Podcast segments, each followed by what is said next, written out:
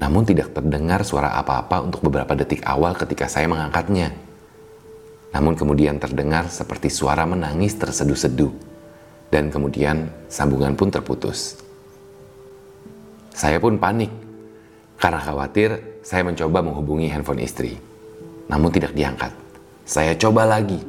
Masih tidak diangkat. Untuk ketiga kalinya saya coba kembali menghubungi handphone istri dan baru diangkat.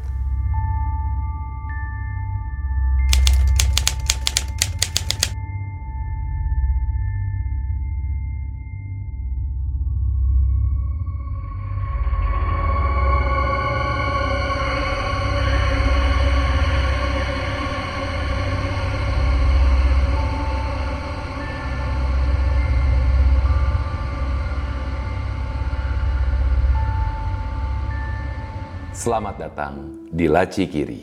Lagi ceritain kisah misteri. Untuk tayangan audio visual bisa dinikmati di YouTube channel Nico Oliver ataupun juga untuk tayangan audio podcast bisa dinikmati di Laci Kiri. Dan untuk episode Laci Kiri kali ini, saya akan membagikan pengalaman yang dialami oleh teman saya ketika dia dan istrinya pindah ke rumah baru mereka. Mari kita mulai kisah misteri kali ini. Hantu rumah baru. Saat itu saya dan pasangan akan segera memasuki fase baru dalam kehidupan pernikahan kami. Setelah berpindah-pindah selama enam bulan pernikahan, tinggal bergantian bersama kedua orang tua kami, akhirnya rumah tinggal kami sudah beres direnovasi dan siap untuk ditinggali. Iya, jadi rumah tersebut kami beli dari satu tahun sebelum menikah karena saya dan istri sudah menjalin hubungan lebih dari tujuh tahun sebelum akhirnya memutuskan untuk menikah.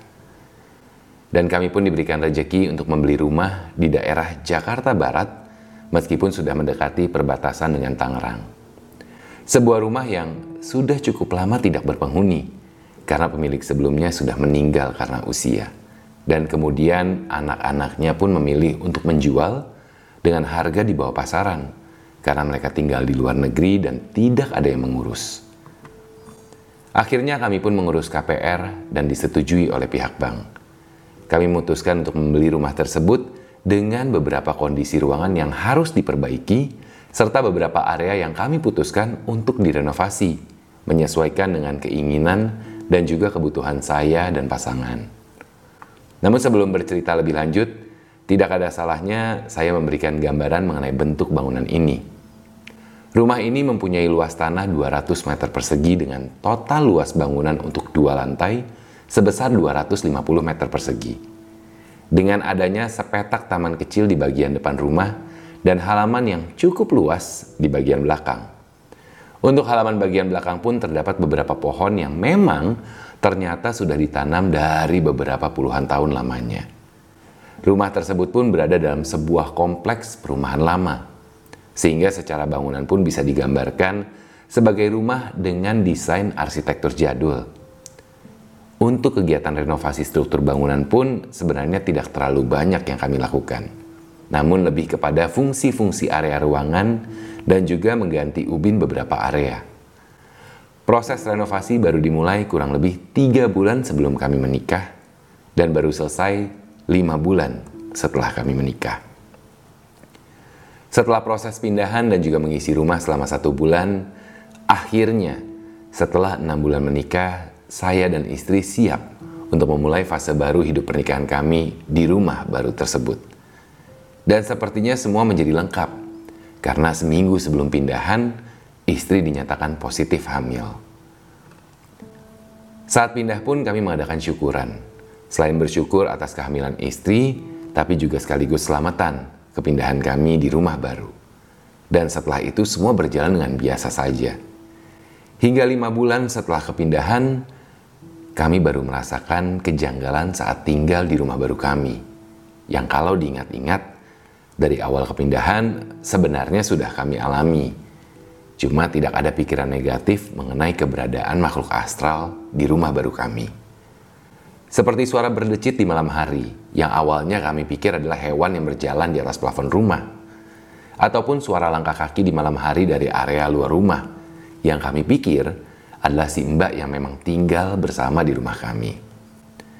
Namun setelah lima bulan, kejadian-kejadian yang dialami semakin tidak dapat dijelaskan. Hingga bahkan si mbak yang ikut dengan kami memilih untuk kembali ke rumah orang tua istri. Iya, si mbak memang adalah asisten rumah tangga yang awalnya sudah bekerja cukup lama dengan keluarga istri. Dan kami ajak untuk tinggal bersama kami untuk membantu istri saya yang sedang hamil. Ketika kami tanyakan kepada si mbak alasan dia ingin kembali ke rumah orang tua istri, dia seperti tidak mau menjelaskan dan seperti ada rasa takut yang besar serta trauma yang dialaminya. Akhirnya kami pun mengantarkan si mbak kembali ke rumah orang tua istri.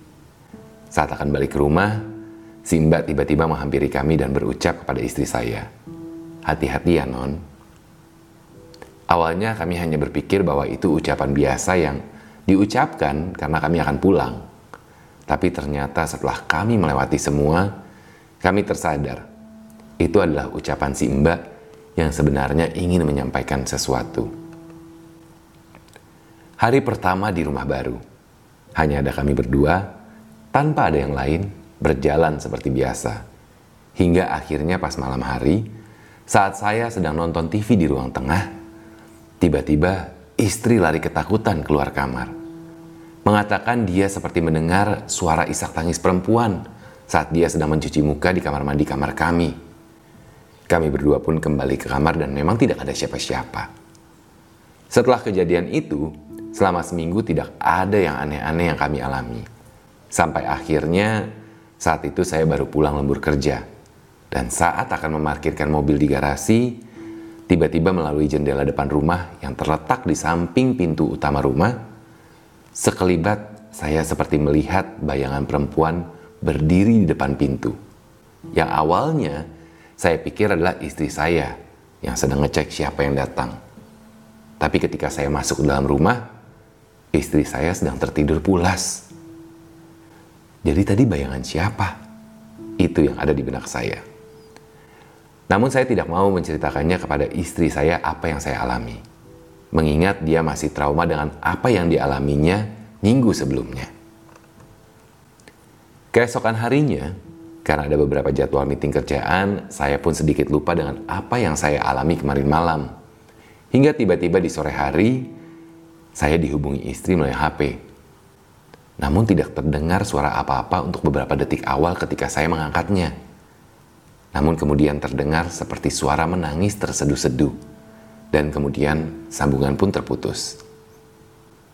Saya pun panik karena khawatir saya mencoba menghubungi handphone istri, namun tidak diangkat. Saya coba lagi, masih tidak diangkat. Untuk ketiga kalinya saya coba kembali menghubungi handphone istri dan baru diangkat. Namun istri mengangkat telepon dengan suara agak parau. Ketika saya tanyakan ada apa, dia menjawab bahwa dia baru terbangun akibat bunyi telepon setelah ketiduran dari siang. Saya pun kaget. Tadi siapa yang menghubungi saya? Tapi saya memilih untuk tidak menceritakan kepada istri soal adanya telepon yang masuk ke handphone saya dari handphone dia, mengingat dia sendirian di rumah. Namun saya memilih untuk langsung pulang. Jalanan sore Jakarta, jam pulang kantor. Tentu macet tidak dapat dihindari. Terutama wilayah kantor saya di bilangan Jakarta Pusat menuju wilayah Jakarta Barat yang berbatasan dengan Tangerang. Tentunya harus berjibaku dengan kemacetan yang luar biasa. Dan saat saya masih terjebak kemacetan, meskipun memang sudah dekat dengan rumah, tiba-tiba istri menghubungi saya. Kali ini dengan nada suara yang seperti ketakutan. Menanyakan saya ada di mana. Kapan saya sampai rumah? Saya pun menjawab masih kena macet dan diusahakan secepatnya sampai.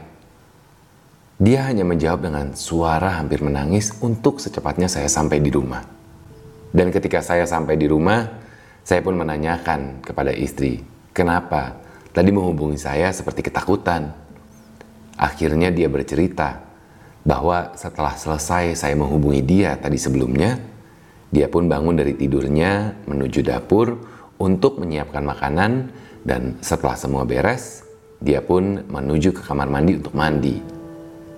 Dan pada saat selesai mandi, pada saat dia akan berganti pakaian, dari cermin dia melihat sosok wanita di belakangnya. Terima kasih sudah menikmati Laci Kiri episode Hantu Rumah Baru. Kalau misalkan ada yang pernah punya pengalaman berinteraksi dengan makhluk astral, silahkan share di kolom komen atau bisa juga melalui email ke contact.nicooliver@gmail.com. Jangan lupa untuk follow Instagram at Nico Oliver dan juga at Laci Kiri. Kita ketemu di Laci Kiri berikutnya.